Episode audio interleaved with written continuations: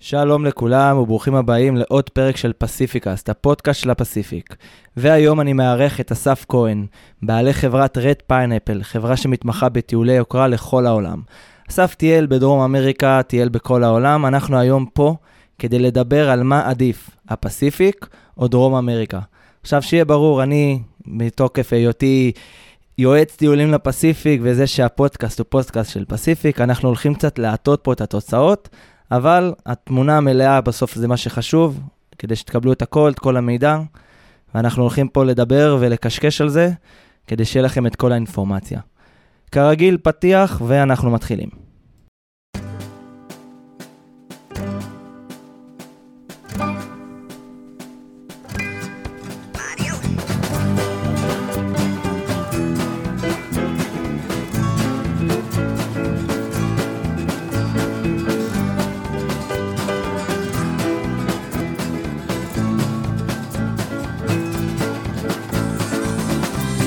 חזרנו, תודה על ההאזנה, ואיתי, כמו שאמרתי, נמצא אסף כהן. מה העניינים, אסף? אהלן, ניצן, מה העניינים? איזה כיף שהגעת. הפעם, בניגוד לפרקים הקודמים, אנחנו לא בבאר שבע, אנחנו יושבים ברמת גן, במרכז הארץ. ברמת גן, אבל בלי מזגן טוב. ברמת, כן, יש לנו פה בעיה קצת עם המזגן, ואנחנו עם איזה 40 ומשהו מעלות בחוץ, נראה לי. אבל אנחנו נדמיין כן, יש לנו פה... במקום נ... קר. יש לנו פה נסטי, ויש לנו פה קצת אוויר, נראה לי שאנחנו נצליח להסתדר. ברגע שנתחיל לדבר, אז אנחנו כבר נשכח מזה שחם פה. בדרום אמריקה עכשיו חורף, אז אני בסדר. כן, גם בניו זילנד ובאוסטרליה. בניו זילנד היה עכשיו איזה מינוס 20, אני יודע, מינוס 10. אני מניח שכל אחד עם היתרונות והחסרונות שלו. כן. טוב, אז אנחנו פה כדי לדבר קצת על ההבדלים, על הפערים בין הטיול בדרום אמריקה לבין הטיול בפסיפיק. יש, אה, בוא נגיד את זה ככה, היום אני מניח שגם תסכים איתי, חלק גדול מהאנשים, הדבר הראשון שהם חושבים עליו אחרי צבא, אולי אחרי תואר, בכלל, באופן כללי, זה דרום אמריקה. אולי זה התחיל עם uh, יוסי גינצברג, עם uh, חזרה מטוויצ'י, אולי זה פשוט שאנחנו אוהבים ללכת אחרי איזשהו, איזשהו קונספט מסוים, אחרי איזשהו עדר, אנחנו גם נדבר על זה כמובן. Um, אבל לפני שנתחיל, בוא, בוא תספר קצת על עצמך, שגם המאזינים שלנו יכירו וידעו מי אתה, מה אתה עושה. נעים מאוד. שמי אסף כהן, אני בן 36, אני גר בתל אביב, נשוי לליזה, יש לי ילדה בת שנתיים בשם נועם, וכמו שניצן אמר, אני הבעלים של חברת Red Pineapple, שמתמחה בטיולי יוקרה וטיולים פרטיים בכל העולם. אני חייב לציין שעדיין לא הייתי בפסיפיק, מלבד הפולינזיה הצרפתית, אז נראה לי שהולך להיות מאוד מעניין. זה משהו שאתה צריך לעשות בהקדם, כי זה, אתה יודע, זה לא שלם, החוויה היא לא שלמה. זה כבר משהו שאמרתי לעצמי, אני לא יכול לסגור את הגלובוס לפני שאני אהיה בפסיפיק. זה, זה היעד הבא. אנחנו קוראים מכאן לביבי ולאדלשטיין ולגרוטו ולכולם שיפתחו לנו את השמיים כדי שאסף יוכל לטייל בפסיפיק. נראה לי שגם צריך לדבר עם אה, ראש ממשלת אוסטרליה בקצב הזה, כי הם איתם. לא בדיוק מקבלים אותנו בידיים פתוחות עכשיו. כן, הם גם כן, יש להם uh, את הבעיות שלהם ועוד התפרצויות, אבל uh, בואו בוא נחזיק אצבעות. בואו נחזיק אצבעות וכמה שיותר מהר בפסיפיק. בוא תספר לי טיפה על החברה, איך היא התחילה, מה, איך, איך הגעת בכלל לעולם הטיולים? אז קודם כל הגעתי לעולם הטיולים, אני בכלל סיימתי תואר ראשון במנהל עסקים ושיווק, במכלאי המנהל, והתחלתי לעבוד בשטראוס. עבדתי שנם שנתיים במחלקת השיווק. היה נחמד, אבל זה לא עניין אותי. תמיד היה לי איזשהו חיידק של טיולים, שהרגשתי שאני רוצה אה, לראות את העולם, לבקר במקומות שונים. אמ, כמה שיותר אה, לגלות אותו, אבל לצערי, שנתיים הייתי תקוע בשטראוס. עד שהחלטתי לעשות איזשהו מעשה ולשנות את הכל. פשוט התחלתי לעבוד בחברה שקוראים לה iTravel Israel. זו חברה שהייתה אה, עושה טיולים פנימיים בארץ, ממש איזה סוג של אפליקציה, עבדתי שם כמה חודשים, הבנתי שזה מה שאני רוצה הבנת לעשות. הבנת שאתה רוצה להיות עצמאי אבל. הבנתי שאני רוצה להיות עצמאי, אבל הבנתי שקודם אני צריך ללמוד על הטיולים. כי טיילתי הרבה הרבה מאוד. טיילתי הרבה שנים, טיילתי באסיה, טיילתי באפריקה, טיילתי בדרום אמריקה, בצפון אמריקה, אבל יש הבדל בין לטייל לבין לארגן לאנשים טיולים. אה, והתחלתי לעבוד בחברת דרכים, דרכים טיולים, חברה תל אביבית לא גדולה, שמתעסקת בטיולים קבוצתיים. שם עבדתי כמה שנים, ומשם התקדמתי לחברה הגיאוגרפית, ועכשיו הגעתי לאיפה שאני. לפני שנתיים וחצי בערך פתחתי את Red Pineapple. Red Pineapple היא בעצם התשוקה שלי. אני נחשפתי לעולם הטיולים, נחשפתי לעולם הטיולים המאורגנים בכלל, וראיתי שעולם הטיולים לנושא העצמאי והטיולים היוקרתיים בארץ לא מספיק מפותח. לא מספיק מגיעים לאנשים ויודעים מה הם רוצים, להתאים להם את הדברים, אה, ו- ולעשות את זה גם ברמה גבוהה. ירידה לפרטים הקטנים. וכאן אני החלטתי שאני רוצה לפתוח את Red אה, Pineapple. Uh, אז החברה כבר עובדת שנתיים וחצי. כמובן שלאט לאט התפתחנו, קידמנו עוד מקומות, עוד עובדים נכנסו, ובסופו של דבר עד הקורונה כבר באמת התחלנו למצב את עצמנו בתור חברה רצינית, כבר נהיינו חברים בממבר שנקרא Pure Life Experience, שזה ממבר בכל התחום של טיולי היוקרה. אמ, באמת הצלחנו לתקוע יתד, ואנחנו מאוד מקווים שאחרי הקורונה אנחנו נוכל להמשיך, כי זה הכיף שלנו. יאללה, הלוואי, זה בסוף לבוא מתשוקה, זה, זה הדבר שמחזיק אותנו. זה עושה את ההבדל בביג טיים. בגדול, בגדול. אני הרגשתי את זה שעבדתי בשטראוס, למשל, שהייתי בא פשוט עובד, נחמד, אבל לא הרגשתי את התשוקה. ולפעמים, זה לא לפעמים, תמיד תשוקה וכיף הרבה יותר שווים מכל כסף שתרוויח. וככל שאתה מתבגר עם השנים, אתה מבין את זה. אני רוצה רגע לחזור טיפה אחורה. בואו בוא בעצם נחבר פה שתי שאלות שהן מאוד מרכזיות, ואני מניח שגם היום מטיילים חושבים לעצמם. דבר ראשון, למה כשטסת לדרום אמריקה, אני רגע חוזר ממש אחורה אחורה לדרום אמריקה, לתקופה שהיית תרמילאי, למה בחרת דרום אמריקה ולא מקום אחר? אני יכול להצביע על הודו כיעד שישראלים מאוד אוהבים, תאילנד, אפילו כל האזור הזה של המשולש שם של לאוס, בורמה ו- ווייטנאם. אתה יודע, ו- וכאילו נכון שדרום אמריקה היא משתרשת בקרב התייר הישראלי, המטייל הישראלי, אבל למה? מה, מה, מה דווקא הניע אותך לשם? ותספר קצת כאילו על, על הטיול שלך, זה נשמע... כמה זמן היית? אז בואו אני אספר לכם. קודם כל, בדרום אמריקה כבר הייתי שמונה פעמים בחיי, ואני לא אעצור שם. איך בכלל התחלתי, הגעתי לדרום אמריקה? אני הייתי אחרי צבא, עשיתי קורס של פסיכומטרי, דיברתי עם כמה חברים בהפסקה, ומישהו סיפר לי על spring break שהאמריקאים הולכים במקסיקו, בקנקון. אמרתי, אוקיי, זה נשמע לי מגניב. מישהו סיפר סיפור שיש שם מסיבות וכיף ואווירה, ואני חייל בן 20, ואחרי שהייתי חייל בן 22, רק רוצה ללכת וליהנות. אמרתי, יאללה, ניסע למקסיקו, ומשם נתקדם. לארזתי תיק, טסתי לבד, באמת הגעתי לקנקון, למקסיקו, לאט לאט ירדתי למטה, גואטמלה, קוסטה ריקה, ניקרגואה, כל המדינות של מרכז אמריקה, ואז הגעתי לדרום אמריקה. בדרום אמריקה כבר הבנתי כמה שהכל שונה. אם אני מדבר על אנשים, אם אני מדבר על, על הריקודים, השמחה, הנפש, הקרבה לאנשים, אני אתן לך את הדוגמה. למשל באסיה, כשאתה מטייל, אתה תמיד תהיה סוג של תייר, גם אם תגור שם. למה? אתה נראה שונה. המנטליות קצת שונה, הם הרבה פחות פתוחים מאיתנו, האוכל קצת שונה. בפסיפיק כמובן לא הייתי, אבל שוב, אני גם יודע שמבחינה הזאת זו מדינות קצת יותר מתקדמות. קצת אני מאמין יותר יש ריחוק בין אנשים, קצת הפתיחות, תסכים איתי, יכולה להיות, אולי אני טועה. אני דווקא לא מסכים. אוקיי, אמ, בשביל זה אתה פה. בשביל זה אני פה, כן. אני היום הסנגור של הפסיפיק, אתה הסנגור של דרום אמריקה, כן. אבל דווקא בגלל שזה אזור מערבי, אני מדבר רגע על אוסטרליה, ניו זילנד, באים זה בכלל עולם אחר, אבל באוסטרליה ובניו זילנד, בשתי המדינות האלה, קרה שהלכתי ברחוב, ומישהו פשוט הזמין אותי לישון אצלו. עכשיו, הוא לא הזמין אותי בהצעה מגונה. הוא הזמין אותי והוא דאג לי לאוכל, והוא דאג לי ללינה, והוא דאג לי לבילויים, והתייחס אליי כמו, כמו לבן שלו, כמו לנכד שלו, תלוי בגיל. היתרון גם במדינות האלה, אוסטרליה וניו זילנד בעיקר, שהן מדינות בטוחות. מאוד בטוחות. לעומת מאוד אמריקה מאוד. הלטינית, שגם אם כולם יזמינו אותך, אתה לא יודע איך אתה תגמור את הערב שלך. זה הבעיה. אה, אנחנו אחרי זה נדבר קצת על העניין של הביטחון, אני חושב. כן, אנחנו נכניס את זה מן הסתם בזה. אבל אה, ללא ספק, אה, דרום אמריקה זה נופים מדהימים ומרהיבים. שפה קלה, ספרדית. בסופו של דבר, אחרי חודש, חודשיים, כל אחד שמטייל לומד לדבר ספרדית, אפילו בסיסית, ואפשר להסתדר עם זה. המנטליות היא יחסית דומה אלינו. הם אנשים מאוד חמים, אוהבים לארח, משפחתיים. אוהבים את החיים הטובים, מסיבות, אלכוהול, נשמע כמו ישראלי מצוי, ובאמת אווירה של כיף. אז איך באמת יצא שחזרת שמונה פעמים? זה בכל זאת, זה קילומטראז' רציני.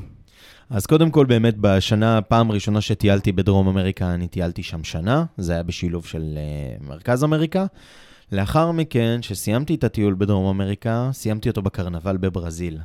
והכרתי שם בחורה ברזילאית שהפכה להיות חברה שלי במשך שנתיים. איך שחזרתי לארץ, היא הגיעה לארץ, קנתה כרטיס והגיעה לישראל.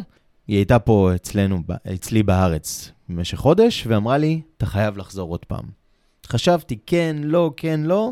אחרי חודשיים קניתי כרטיס טיסה, וגרתי שנה איתה בסלבדור, בעיר שלה.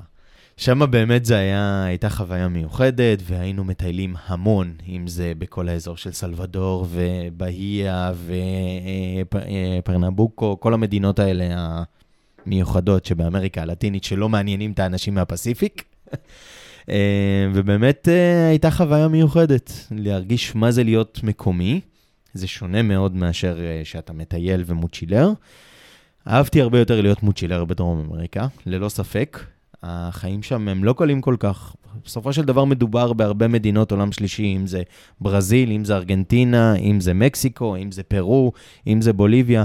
אגב, כשאני מדבר אמריקה הלטינית, אני מדבר גם על הדרום וגם המרכז. זה די דומה, יש אמנם הבדלים וגדלים, אבל זה די דומה מבחינה כזאת ואחרת.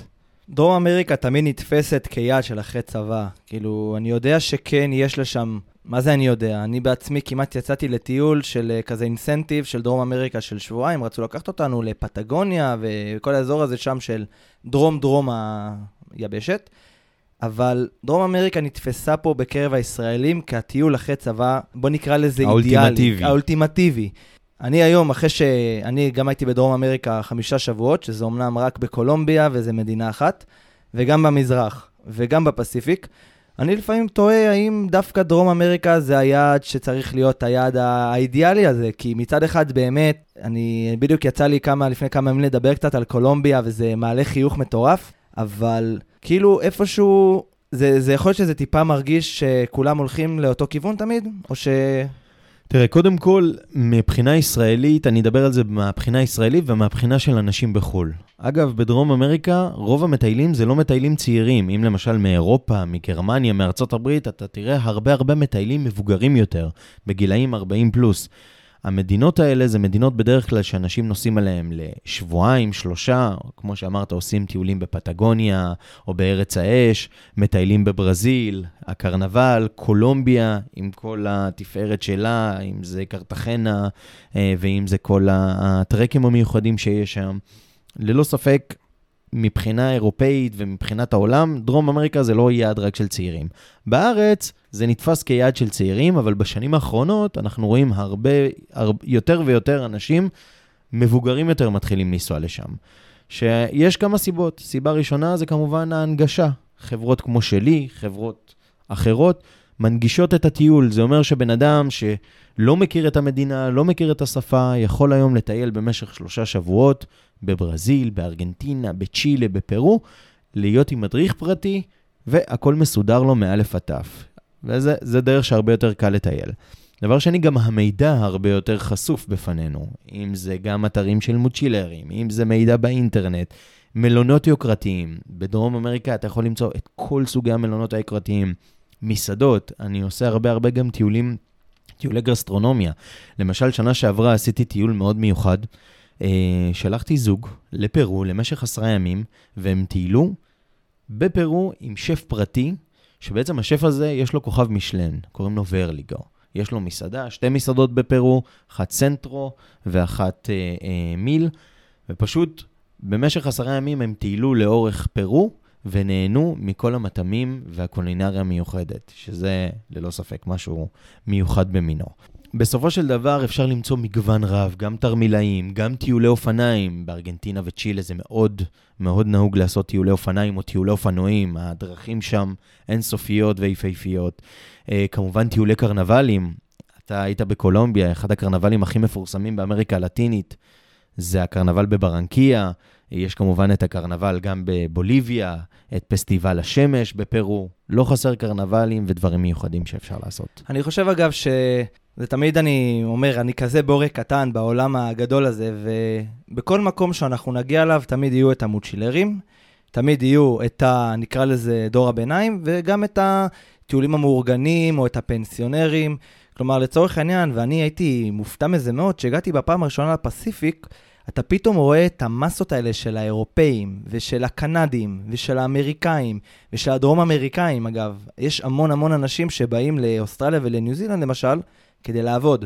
אני חושב שאולי פה, הגיוון הזה באוכלוסייה בפסיפיק דווקא נובע מזה שאפשר לבוא ולעבוד, זה גם כמובן משנה טיפה את אופי הטיול, ואתה כבר לא רק תייר, אתה גם סוג של תושב, אבל, אה, אבל נראה לי שכל יעד בפני עצמו הוא יעד שיכול להתאים לכולם, ויכול להיות שפשוט ישתרש שדרום אמריקה הוא יעד של צעירים? יכול להיות שכן. קודם כל, אוסטרליה וניו זילנד בכלל, מדינות מתקדמות, זה מדינות שהרבה אנשים היו באמת רוצים לעבוד בהן. גם אני בטוח שיש הרבה ישראלים שמוכנים להוציא ויזה או ויזת עבודה וללכת לעבוד באוסטרליה כמו שהם נוסעים לארצות הברית או קנדה, לעומת מדינות אמריקה הלטינית, שהם, אה, בוא נגיד, זה יותר מדינות עולם שלישי, שאופציית העבודה היא יותר בעייתית שם.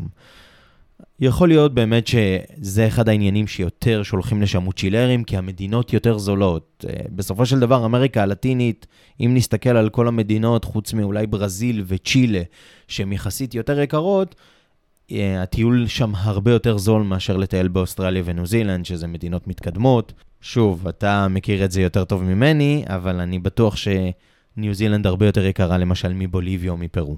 כן, אני חושב שעוד פעם, הכל בסוף איך אתה שם את זה על הסקאלה, כי גם במקומות כמו נגיד אה, אפילו פיג'י או ונואטו, שזה איים שיותר יקר ויותר קשה להגיע אליהם, יש כל מיני סוגי טיול. כלומר, אתה יכול לישון אצל משפחה מקומית בכפר שלה, לשתות מהמי גשמים, הם אוכלים את הכבש שמגדלים בחצר, הם לוקחים אותך לכל האטרקציות כמקומיים, ואז אתה בעצם לא משלם כמעט כלום. אתה מצד שני יכול לעשות טיול כמו שאני עשיתי בפיג'י, בטיול האחרון שלי, שהיה שבוע של נופש בריזורטים. ואז מן הסתם, ריזורט זה כסף, ריזורט התחבורה עולה כסף, והצלילות עולות כסף. אני מאמין שגם אם אתה מגיע למקום כמו בוליביה, ועכשיו אתה עושה, או כמו שאמרת עם פרו, ואתה עכשיו עושה טיול עם שף פרטי, זה יעלה הרבה הרבה יותר מאשר שתיקח עכשיו ותעשה טיול מוצ'ילרי בניו זילנד.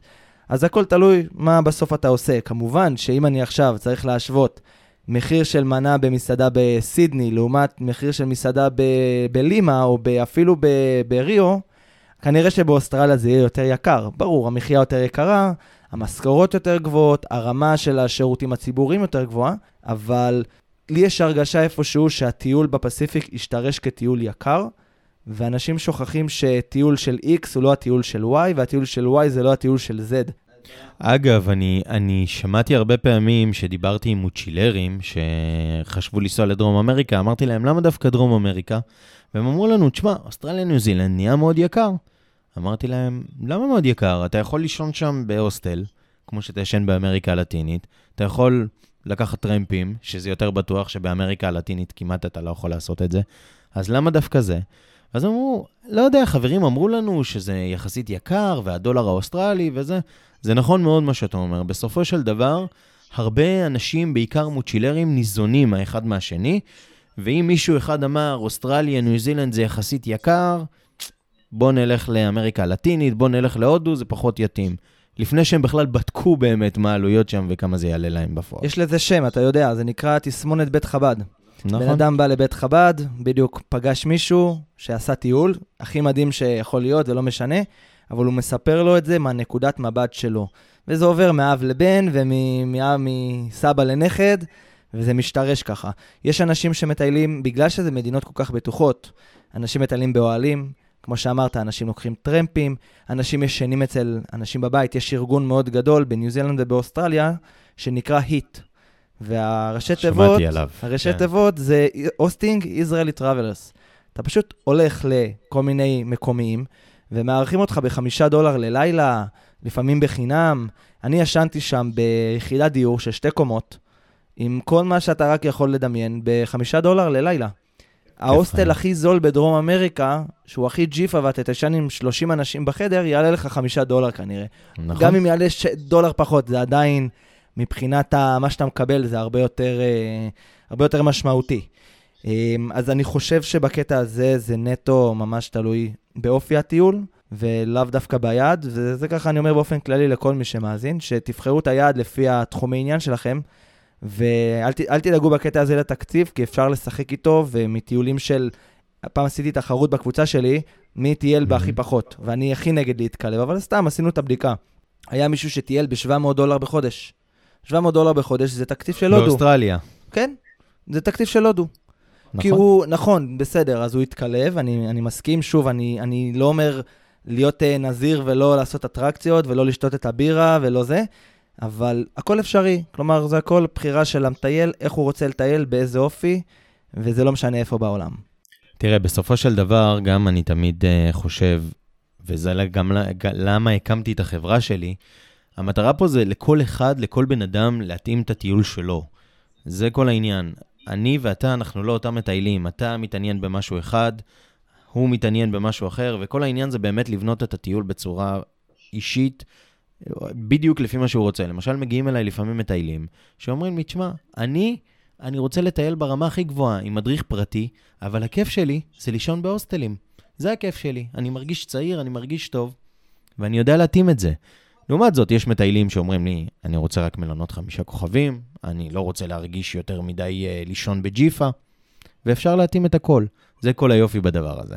בפרק הראשון של הפודקאסט, מי שעוד uh, לא האזין, אז אני חושב שאחרי הפרק הזה תעשו רגע אחורה כזה ותלכו לי להקשיב, אבל בדיוק על זה דיברתי, על העניין הזה של התאמה אישית, שהעולם היום הולך לשם, ומה שרשום uh, באתרים, הכי אמינים שלא יהיו, בסוף כל דבר צריך לקחת בערבון מוגבל, ולעשות את ה... שמתי שם חמישה שלבים, בדיוק איך לבנות לעצמכם את ה...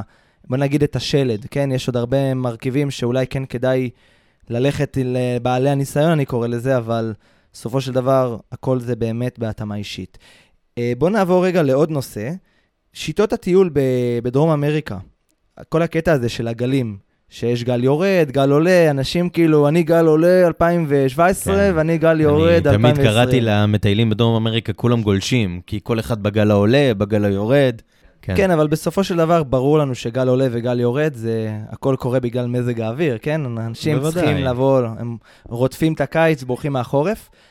אתה לא חושב שאולי, עוד פעם, זה נהיה טיפה קל מדי, ואנשים עושים את זה בלי יותר מדי לחשוב, ועוברים בא, באותם מקומות שביל החומוס כזה, ואולי בדרך הם מפספסים טיפה מקומות שיכול להיות שנמצאים, סתם דוגמה, 200, 300 קילומטר, 500 קילומטר מה... נקרא לזה מהדרך הראשית? אני כל כך מסכים איתך, אני אתן לך דוגמה עליי אישית. אני שהייתי בבוליביה, בטח שמעת שבלפז, כל ישראלי מגיע לשם, עושה פליזים עם כל מיני רקמות מיוחדות ושולח לארץ חבילה. כמות החבילות שהישראלים שולחים זה משהו מטורף. עסק בפני עצמו. עסק בפני עצמו. ועזוב שאת כל הדברים ששלחתי אחרי זה לארץ, אף אחד לא לובש, אף אחד לא משתמש, כי מי צריך צמר אלפקה בישראל, שאפילו החורף שלנו לא מתקרב לחורף הבוליביאני. אז זה אחד הדברים שאתה באמת מרגיש כמה אנחנו עושים די טיולי עדר. אני מאוד מרגיש את זה שגם הגל העולה וגם הגל היורד, הוא לפעמים עושה, איך נגיד לזה? הוא מבייש את הטיול. כי בעצם מה שמעניין אותך, זה לא מה שמעניין מישהו אחר. וכמו שאמרת, לנסוע עוד 100, מטר, עוד 100 קילומטר ולהגיע לאיזה עיירה מטורפת שאף אחד לא היה בה, אבל מבחינתך היא תהיה העיירה הכי קסומה ואתה תיתקע בה שבועיים, זה הדברים. וכשאני טיילתי, מה היה לי כל כך מעניין ומיוחד? שבאמת הייתי מגיע לכל המקומות המיוחדים האלה, ופתאום אתה רואה שם איזה בן אדם שאומר, תשמע, אני כבר שבועיים פה, וכשאתה מגיע, אתה אומר, מה הוא עושה פה? ואז פתאום אתה נשאר עוד יום, יומיים, ואתה מבין, באמת יש פה קסם. באמת, זה לא משנה, אז אין פה בנצ'י, אז אין פה את המסעדה הישראלית, אז אין פה את השניצל הזה. ואז אתה רואה את הדברים האחרים, ופתאום... פתאום אתה מגלה באמת את המדינה. לי היה את הדבר הזה בצורה מאוד ברורה באקוודור. באקוודור החלטתי שבקיטו אני עוצר ולומד ספרדית ברמה גבוהה. ממש. הייתי בבית ספר מקומי, גרתי אצל מקומיים, שהם דוברים רק ספרדית, הם אפילו לא יודעים להגיד yes, no, ופשוט חייתי כמו מקומי אקוודורי, ובאמת הרגשתי את המדינה, הרגשתי את המקום, הרגשתי את התרבות. מה זה לסיים יום, לשתות את הבירה, לשבת באיזה בר קטן, וזה היה כיף. זה פתאום אתה מגלה את, ה... את המדינה ואת האנשים ואת התרבות. לפעמים כשאתה מטייל עם כל הגלים, אז גם אתה הולך לאותו הוסטל שכולם הולכים, ואז אתה בהוסטל רק של ישראלים, או שכולם ממש נהירה גדולה, תמיד, תמיד אה, האירופאים או אנשים שהייתי מטייל איתם, דרך אגב, בדרום אמריקה טיילתי הרבה עם ניו זילנדים. אנשים מדהימים, באמת אנשים מדהימים, וכל הזמן הם היו אומרים לי, תגיד לי, מה, ישראלים כל הזמן אתם כמו, אתם כמו בצבא, אתם כל הזמן באים פלוגות, כולכם כל הזמן פלוגות, אין מצב שאתה רואה רק אחד. תמיד זה, זה עשרה, 12, ביחד, בנים, בנות, כולם. זה אחד הדברים שאני חושב שצריך לשנות קצת מבחינת מטיילים, כדי שייהנו יותר, בסופו של דבר זה הטיול שלהם. אני חושב שזה מרכיב של השפה, גם באוסטרליה ובניו זילנד בעיקר, כאילו בשתי המדינות האלה, אתה יכול לראות את הגרמנים מסתובבים ביחד, אתה יכול לראות את הצרפתים מסתובבים ביחד, אתה יכול לראות את הדרום אמריקאים ביחד. כשהייתי בקווינסטון בניו זילנד, יש שם ממש שכונה שכל הברזילאים גרים, כי הם כולם עובדים שם בכל מיני עבודות מזדמנות, אבל הם כולם גרים ממש בשלושה ארבעה רחובות, שאתה יודע שכל הבר... הבתים צבועים בברזילאית, מה שנקרא. כי זה נוח, ויש לך בסוף איזשהו מחסום שפה, וזה נותן גם לך... גם מחסום תרבותי. גם מחסום תרבותי, וזה נותן לך את, ה, את הביטחון הזה. אני דווקא אומר להפך, גם אני בטיולים שלי, הזמנים הכי טובים היו במערב אוסטרליה, בצפון אוסטרליה, לאו דווקא בחוף המזרחי שמאוד מאוד חרוש, בקטע של גם מאוד נוח, יש גל עולה ויש גל יורד. או שאתה, כן. עולה, ה... או שאתה עולה למעלה עם החוף, כאילו עם האוטובוס, או שאתה יורד, תלוי באמת בעונה. ואתה יכול לראות שם מאות אלפי אנשים, וכל, לא יודע, 30 קילומטר יש לך עיירה. לעומת זאת, אתה נוסע במערב אוסטרליה. כל 500 קילומטר יש לך איזה חווה מסכנה, אבל האנשים הם האנשים הקשוחים האלה, עם הכובע בוקרים ועם הנעליים הכבדות. קרוקודיל שכל... דנדי כזה. כאלה, כן. שכל היום עבדו ב, בשדה או בחווה ורדפו אחרי, אחרי שברים, וכזה עם המבטא הממש ממש כבד הזה. ואתה אומר כאילו, וואלה, זה, זה הטיול האותנטי שאני מחפש, ולאו דווקא את מה שכתבו לי בפורום, או מה שכתבו לי בקבוצת פייסבוק. ואתה יודע, אנשים לפעמים יוצאים מה, מהקופסה הזאת, ומגלים דברים ואומרים, איך לא גיליתי את זה לפני? למה... בדיוק. למה, למה חשבתי רק בצורה מאוד מאוד חד גונית, ולא ניסיתי רגע לקלוט את כל התמונה המלאה? בדיוק. אתה דיברת ש... הרבה אנשים מכל מיני קהילות בעולם גרים ביחד. אני חושב שיש הבדל בין הדברים האלה, כמו למשל שבניו יורק יש לך שכונות שלמות של רק ישראלים, או בלוס אנג'לס. בסופו של דבר, בטיול, אני מאוד מאמין שאתה כן רוצה להכיר את התרבות שאתה מגיע אליה. זה גם חלק מהטיול, לאכול את האוכל המקומי, להכיר את האנשים המקומיים, ושאתה סוג של שומר על עצמך בבועה הזאת, אתה נשאר אותו דבר, ובאזור נוחות זה נכון. אבל זה כל היופי, היופי זה לצאת מהאזור נוחות, ואני חושב שפה אנחנו מוסיפים הרבה מאוד, כי אנשים, הרבה אנשים מפחדים לצאת מהאזור נוחות. זה לגיטימי, יש אנשים שמפחדים לדבר מול קהל, יש אנשים שמפחדים, לא יודע, לקפוץ ממטוס ולעשות בנג'י, מפחדים לצאת מהאזור הנוחות, ופה, כשאנחנו עושים את הדברים האלה, אז פתאום הם מגלים, ורואים שבאמת אפשר ליהנות בדרך אחרת, ולגלות את הנסתר. הרי כולנו בסופו של דבר רוצים לעשות את המשהו השונה הזה. אף אחד לא אוהב להגיד, כן, גם אני עשיתי ככה, כן, גם אני עשיתי ככה. אתה תמיד, כל אחד מאיתנו בנשמה שלו יש את הרצון ולהגיד, לא, אני עשיתי משהו כזה דווקא.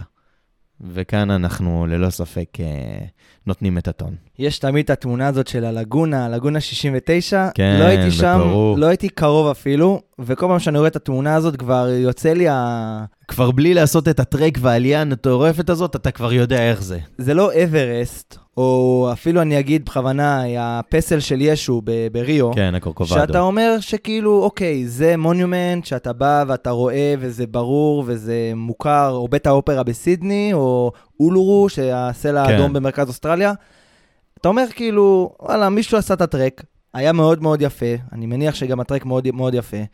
אבל רבאק, כאילו, מה, יש לגונה אחת? יש עוד 3,000 לגונות. נכון. בואו כאילו נצא רגע ונחפש לא לגונה 69, בואו נחפש לגונה 96. אולי יש משהו כזה? נכון. יש, יש לגונות הרבה יותר יפות ומיוחדות.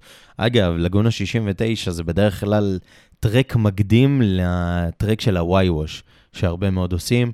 אה, זה באמת טרק מיוחד, הוא נחשב הטרק השני הכי יפה בעולם אחרי... אחרי מילפורד בניו זילנד. מילפורד בניו זילנד, כן, פה פסיפיק. כן, הפסיפיק הוא עולם אחר. ניצח, אבל לדעתי הם אה, החבר'ה מניו זילנד שם נתנו את הטון בבחירה, אז בגלל זה.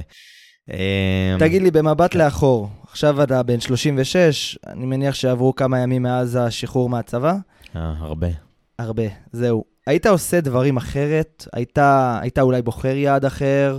כאילו, אני יודע שלהסתכל במבט לאחור, אנחנו אף פעם לא, משתדלים לפחות לא להתחרט על דברים שאנחנו עושים. אני, למה אני שואל גם? זה מאוד חשוב לי אפילו להסביר את עצמי. יש הרבה אנשים שאני שומע שאומרים, שעוד פעם, יש כל מיני ויכוחים, האם לטוס לפסיפיק, האם לטוס להודו, למזרח, לאוסטרליה, ניו זילנד. אנשים אומרים כאילו, חכה לגיל 28, לגיל 30, ואז תטוס לפסיפיק, כי זה יעד יותר בוגר. עכשיו, זה די חרטא, כי אתה תבוא ואתה תראה שחלק גדול מהמטיילים הם גרמנים בני 18 שעושים את השנה הזאת בין התיכון לבין כן. האוניברסיטה, או כאלה שבאו לעבוד והם צעירים. כך שזה באמת לא יעד מובהק לבני 30 או בני 50. ועוד פעם, בדרום אמריקה, כמו שדיברנו, יש פה יותר את ה... לפחות בקטע הישראלי, כן את העניין הזה של לבוא צעיר, למרות שאני מניח שיש גם הרבה אירופאים שדווקא באים בגיל קצת יותר מבוגר ל... גם עכשיו יש ישראלים, אמריקה. עכשיו כן. גם אחד הדברים הנפוצים זה שהורים פוגשים את הילדים נכון. שלהם ועושים טיול. אבל קודם כל אני אקדים ואומר, אני אומר לכל אחד, באמת, שיש לו אפשרות לטייל, לך תטייל. אחרי צבא, לפני צבא, אל תסתכלו על הגילאים, זה לא נכון. צריך לנצל כל הזמן ולטייל. אני חושב שטיול, למשל, מבחינתי זה היה אוניברסיטה לחיים. אם זה ללמוד להסתדר לבד, אם זה לדבר עם אנשים, ללמוד תרבויות אחרות, לצאת מהבועה. ואני חושב שזה באמת דבר, לא משנה, פסיפיק, אמריקה הלטינית, אפריקה, זה משהו שכל אחד צריך לעשות.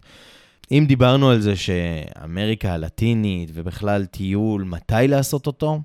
אני חושב שאמריקה הלטינית אפשר לעשות אותה באמת במהלך כל החיים, גם שאתה תהיה בן 18, גם שאתה בן 14 עם ההורים שלך, וגם שתהיה בן 70 או 80. הכל אפשר לעשות, תמיד אפשר למצוא משהו לעשות, זה לא ספק גיוון.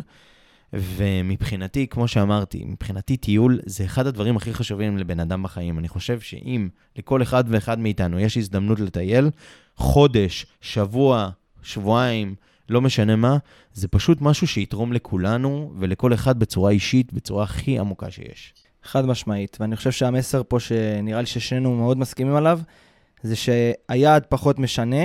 עוד פעם, אני, אני תמיד אה, אמשוך את האנשים לפסיפיק, אתה תמיד תמשוך אותם לטיולי יוקרה וזה, יש מיליון ואחת דרכים לטייל.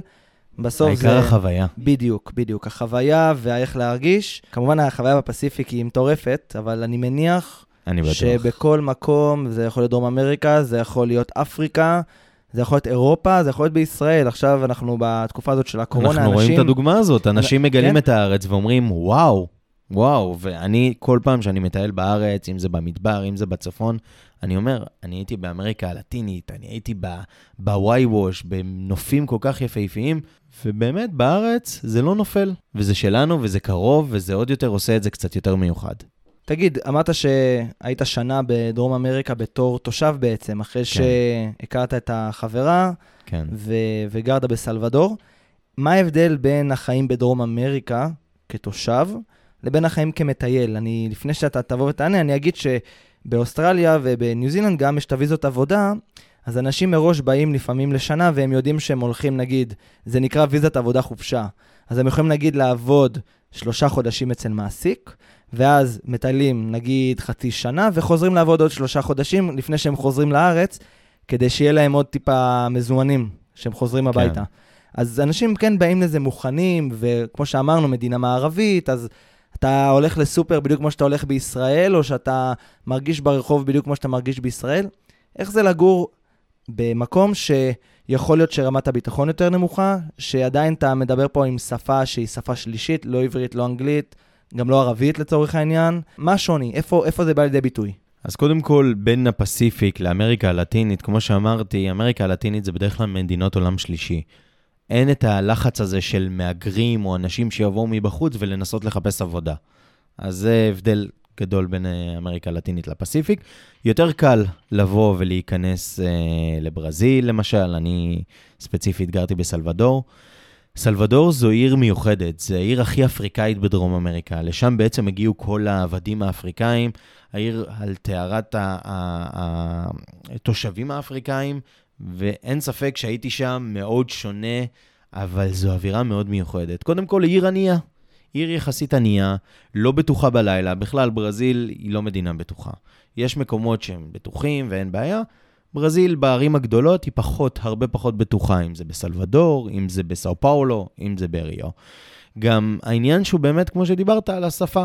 הם לא מבינים כל כך ספרדית בצפון של אה, ברזיל, הם מבינים פורטוגזית, שפורטוגזית אני פחות הצלחתי לדבר. כמובן שעם הזמן למדתי את השפה, אבל לא ברמה כזאת. בסופו של דבר, עם החברה שלי הייתי מדבר אנגלית, אז רוב הדברים הייתי באנגלית. אבל uh, להיות תושב, נקרא לזה ככה, בעיר כזאת, באמת זה היה מיוחד. זה היה שונה מלהיות מוצ'ילר. פתאום אתה הרבה יותר חי את החיים שמה, אתה מחפש עבודה, אז אני עבדתי כמה חודשים בהוסטל, הייתי גם בקבלה, ובסוף ניהלתי הוסטל. כן חיפשתי גם את החיבור הזה למטיילים, מאוד נהניתי, עזרתי לכולם, הייתי תמיד פוגש הרבה חבר'ה, אבל בסופו של דבר אתה חוזר הביתה, לכל אחד יש את הדברים שלו, והחברה שלי הייתה חוזרת מהעבודה שלה, וצריכים לדבר, כן, היה לי קשה עם הבוס וזה, שבדברים כאלה, שאתה מוצ'ילר, בדרך כלל אתה, איזה בוס, מי מדבר, מה, הדברים האלה לא קורים, ופתאום זה בעצם חיים רגילים. ואז אתה מגלה שזה לא כל כך מרהיב כמו שהיה לך בתור מוצ'ילר. אמ, ללא ספק, כל אחד שמטייל תמיד אומר, וואי, אהבתי את המדינה הזאת, הייתי מת לגור בה, מת ללמוד בה, אבל בדרך כלל אחרי שאתה חוזר לאותה מדינה ואתה הופך להיות תושב, החיים קצת שונים. באמת היה כיף, אבל המנטליות מאוד מאוד שונה. הכל שם איטי. אתה יכול להגיע למסעדה, לחכות 20 דקות ואף אחד לא ייגש אליך, לא מעניין אותם. אתה יכול להיות בחוף ולבקש מהמוכר שיביא לך עשאי, אין בעיה, אבל אם בדיוק מישהו מתמסר בכדור, אז הוא הולך להתמסר, להתמסר בכדור. ככה זה המנטליות, זה קצת שונה, אבל היה מיוחד, היה כיף. אחרי שנה די הרגשתי שאני לא מוצא את עצמי שם, שאני לא מצליח להתקדם. בסופו של דבר אנחנו בני אדם ויש לנו את היצר הזה להתקדם, קשה לנו להישאר במקום. ושם התרבות שלהם היא הרבה יותר, אני לא אגיד שבכל המדינות בדרום אמריקה, אני אגיד את זה ספציפית על ברזיל ועל סלבדור, אתה מרגיש שהרבה מהם יותר מתקדמים לאט-לאט, העיקר שיש להם את החוף שלהם, את הקפיריניה. כן, יש עבודה, אבל זה לא נורא, לא צריך כל כך להשתגע, העיקר שיש עבודה, מסיימים מוקדם והכל בסדר. אז באמת אחרי שנה שהייתי שם, הרגשתי שמיציתי, ודווקא התגעגעתי לארץ ולטירוף קצת. האמת שבפיג'י, או בכלל בפסיפיק, קוראים לזה פיג'י טיים. כי שם אתה מזמין משהו לאכול, והוא גם כן בזמן שלו, לוקח זמן להכין, לוקח זמן להגיש, לוקח זמן לזה, אומרים לך, עצור, פיג'י טיים, אתה יודע שאין באמת משמעות לזמן, ועד שדברים קורים זה, זה בקצב שלהם והכל טוב. בגואטמלה היה לי את זה אפילו פעם, שפשוט הגענו למסעדה, הזמנו, אין בעיה, חיכינו 20 דקות, ואז פתאום אנחנו רואים אמא חיכתה שהילד שלה יחזור מהבית ספר, והיא שלחה אותו לקנות מצרכים בסופר כדי שיביאו לנו את האוכל. שלוש שעות עד שקיבלנו את האוכל, אתה קורא לזה פיג'י טיים, זה גם אמריקה הלטינית, ובאפריקה בכלל אתה יכול לחכות לאוכל שלך, ולפעמים גם הוא לא יגיע.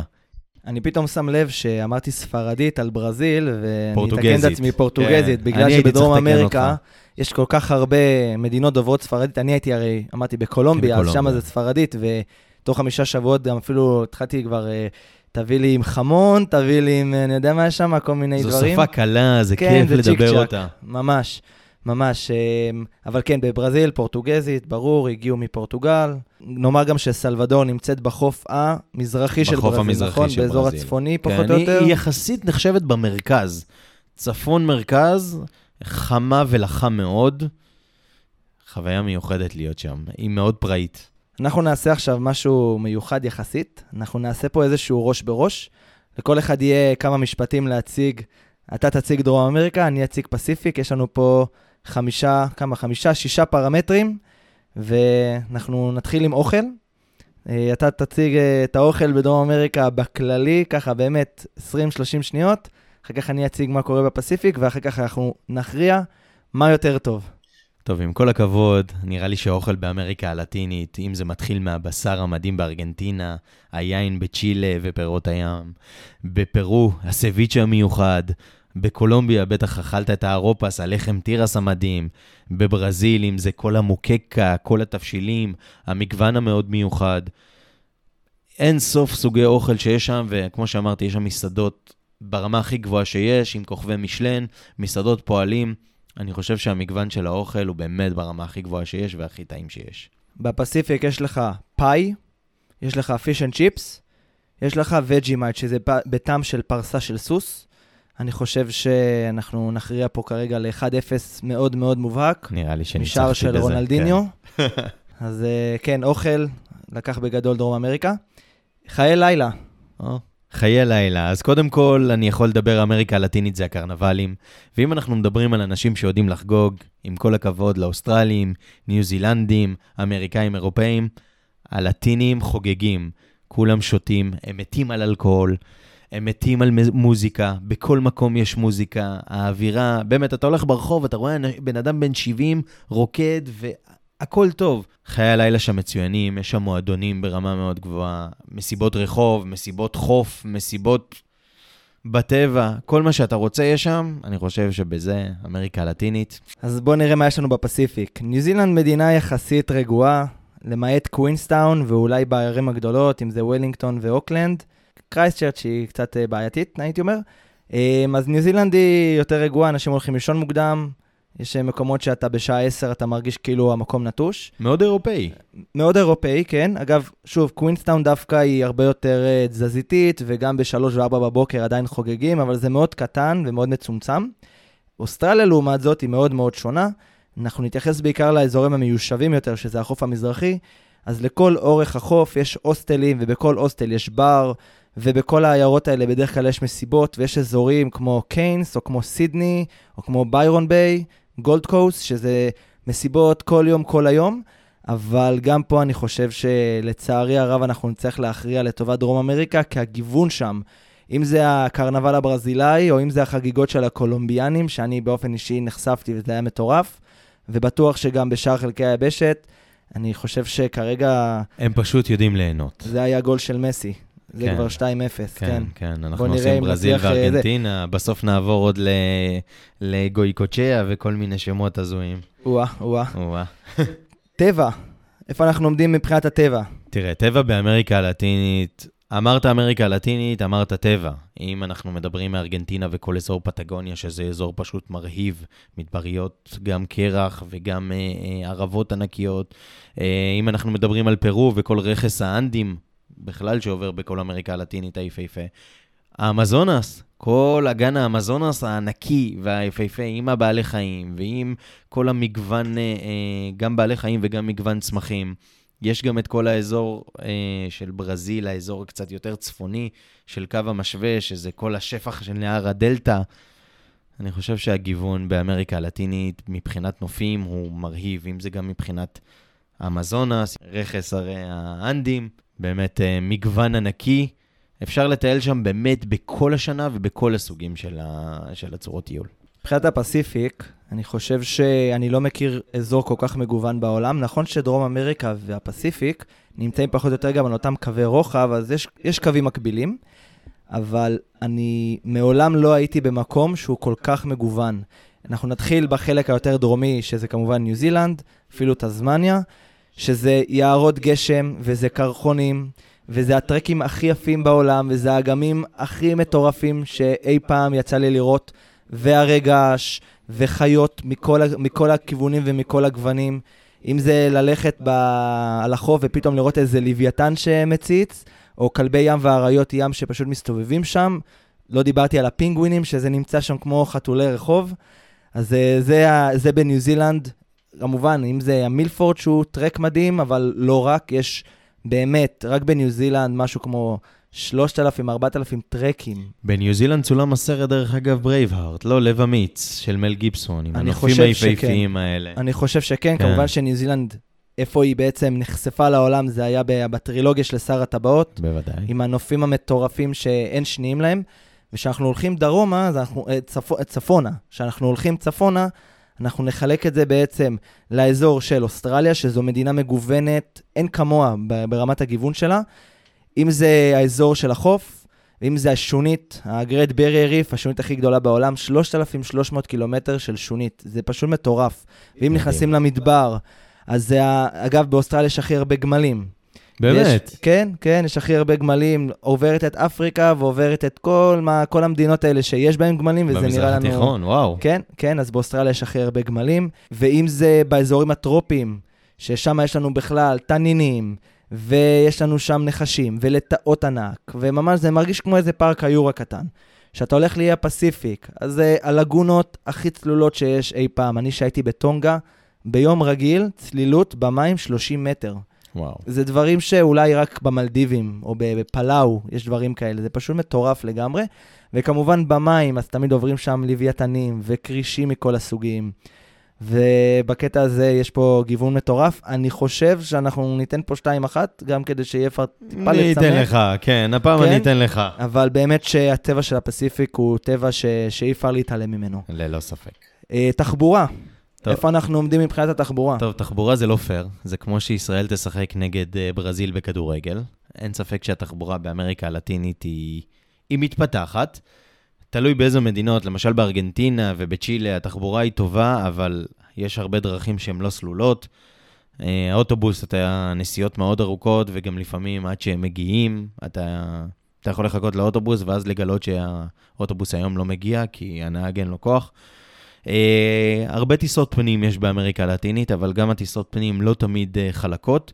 אני למשל, בפעם האחרונה שהייתי בברזיל, המראנו עם מטוס, היינו אמורים לנחות בעיירה בצפון, בסן לואיס, ופשוט באמצע הטיסה, הטייס אמר שהשדה תעופה סגור. כי עכשיו צהריים, ואף אחד לא היה, הם לא תכננו שנבוא. היינו צריכים להסתובב באוויר עד שהם סיימו את ארוחת צהריים שלהם ובאו לפתוח. זה דוגמה קטנה לאמריקה הלטינית. אני מתאר לעצמי שאצלכם בפסיפיק זה קצת יותר חלק ונוח. בסופו של דבר, כן, אה, התחבורה שם טובה, לא מספיק, צריך להיות מאוד סובלניים. אפשר לומר שזאת חוויה בפני עצמה. זו חוויה בפני עצמה, ותמיד כשאתה אתה נוסע באמריקה הלטינית, אתה צריך לקחת בחשבון, הזמן לא באמת נחשב. אומרים לך 4 שעות נסיעה, קח בחשבון שזה כנראה ייקח 6 או 7 שעות נסיעה, כי לפעמים הנהג עוצר בדרך, כי הוא רואה את חבר שלו והוא שותה איתו קפה. זה קורה. את הפסיפיק אנחנו עוד פעם נחלק לשניים, את המדינות המערביות, שזה אוסטרליה וניו זילנד, כל דרך תחבורה אפשרית, האוטובוס מגיע בזמן, הנהג לא בא אחרי אה, כמה שוטים של טקילה, אז uh, אתה יכול לטייל ברכב, אתה יכול לטייל עם מעבורת. מה זה לטייל עם מעבורת? אתה יכול להשתמש במעבורת, אתה יכול לטוס טיסות פנים, יש לך אלף ואחת אפשרויות, אפילו הטרמפים בטוחים. במדינות של, האיים זה כמובן אחרת, אני גם, כשהגעתי לשדה תעופה, חמש דקות לפני ההמראה, אני בא, אנחנו עדיין בצ'ק אין, ואני שואל את, את הקבלה שם, את הפקידה, מה, מה קורה, מתי ממריאים? לא, הטייס חולה, תבוא מחר.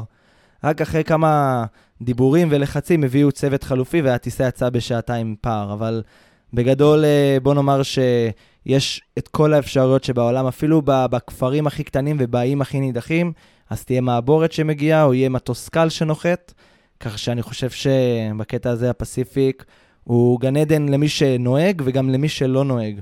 אני, ב, אני אחד שאוהב לנהוג, אני בטיולים שלי, אני מעריך שעשיתי מעל 40 אלף קילומטר רק בנהיגה, אבל גם אם הייתי צריך לקחת טרמפים וגם אם הייתי צריך לעשות טיסות, ועשיתי לא מעט, אני חושב משהו כמו 20 או 30 טיסות פנימיות לפחות, אז uh, תמיד זה היה ברמה הכי גבוהה, ונראה לי שבקטע הזה הפסיפיק לוקח כל אזור ב, בעולם, אולי חוץ מארצות הברית, אולי אירופה, כן, זה, זה אירופה משתווה. וארצות הברית זה די זה דומה גם. משתווה, כן. זה מאוד משתווה, אז uh, אנחנו השווינו פה. 2-2.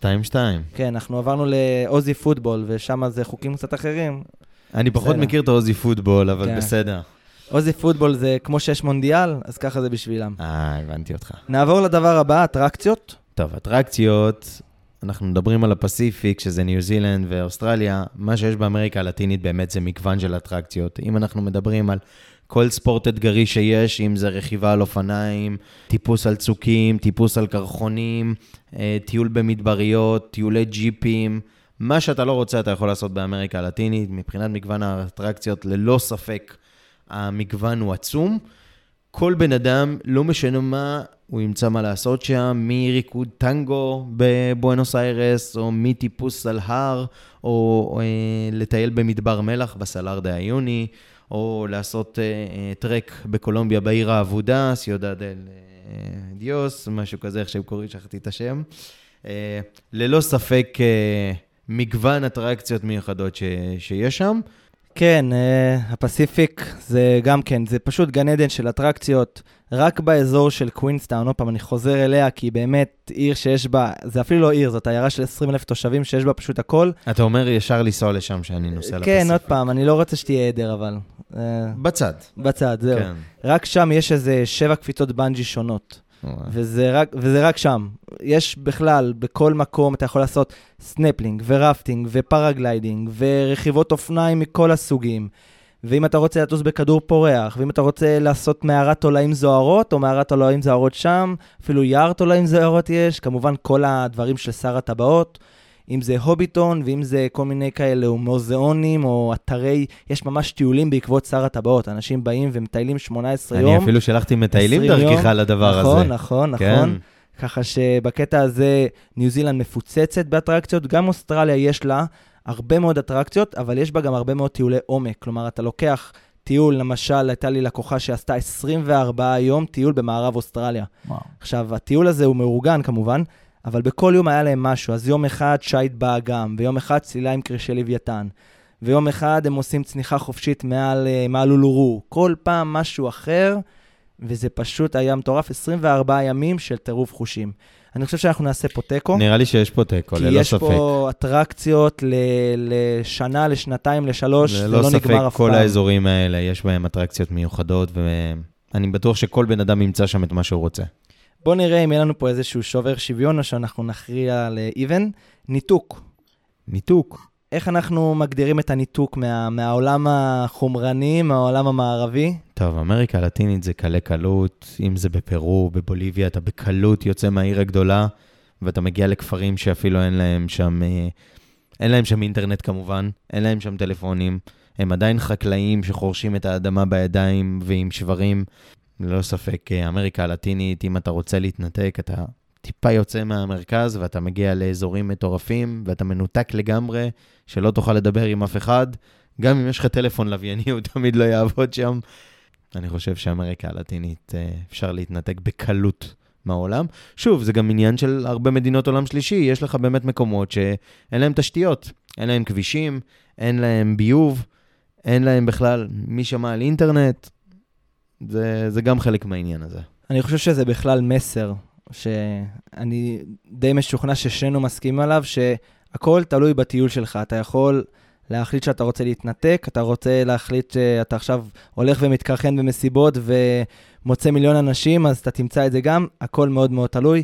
כמובן, עוד פעם, בפסיפיק זה אזור שמתפרס על כל כך הרבה, ומצד שני חיים בו במצטבר משהו כמו 30 מיליון איש. כן, רק בברזיל כמה יש לנו? 200 מיליון? 250 מיליון. אז הפסיפיק זה עוד משהו אחרי כמו... הקורונה, לך תדע, אולי ירד קצת, אבל כן. אה, כן. אז הפסיפיק משתרע על משהו כמו, אני מעריך, 10 מיליון קילומטר, יש שם הרבה יותר ים מיבשה אגב, כן, כן. וחיים בסך הכל 30 מיליון איש. אז למצוא מקום שאין בו אנשים זה מאוד מאוד קל. אה, בדיוק היה סיפור עכשיו על בחור באוסטרליה שהלך לו המצבר, לא יודע מה, הוא נתקע בבוץ, והוא היה צריך ללכת שלושה ימים כדי להגיע לנקודה הראשונה שהיו בה בני אדם. עכשיו, גם אני שטיילתי במערב אוסטרליה, בפעמים, בפעמיים שאני הייתי שם, הגעתי למקומות שאתה נוסע 800-900 קילומטר ואתה לא רואה נפש חיה. אז זה מאוד מאוד קל לצאת ולהתנתק ולברוח מה, מהבורגנות הזאת. בניו זילנד כמובן, כל פעם שבא לך, אז אתה מוצא את ההר הקרוב ומטפס למעלה, ויש לך את השקט ואת הנוף הפנורמי שלך. ובאיים הפסיפיים, זה כמובן, אתה יכול להגיע לכפר, ואין שם חשמל, ואין שמיים זורמים, וטלפון, אני לא בטוח שהם שמעו בכלל מה זה, ואתה פשוט יכול לחיות שם. שלושה שבועות, חודש, חודשיים, אף אחד לא ידע איפה אתה ומי אתה ומה אתה, ואתה פשוט אה, תתחבר ל... להוויה שם, ו... ופשוט תחיה כמו בני המקום, וזה לא ישנה לאף אחד, ויתייחסו אליך כאילו עכשיו נבראת מאיזה, מאיזה שום מקום. והגעת לזה. בקיצור, נראה שיש לנו תיקו רב שערים פה. זה חייב להיות פה תיקו, רב. שערים, כן, אפילו תוצאה של רוגבי, לא? איך הולך עם רוגבי? לא, רוגבי הם מגיעים לתוצאות קצת יותר גבוהות. אה, זה קצת אה, כמו הפוטבול וזה. בקטע הזה, הפוטבול של דרום אמריקה הוא יותר, אה, הוא יותר רלוונטי, כן. אבל אנחנו נשאיר את זה כאיבן, כדי שגם ל... למאזינים שלנו יהיה ככה נקודות למחשבה, בוודאי. ולקבל את ההחלטות שלהם.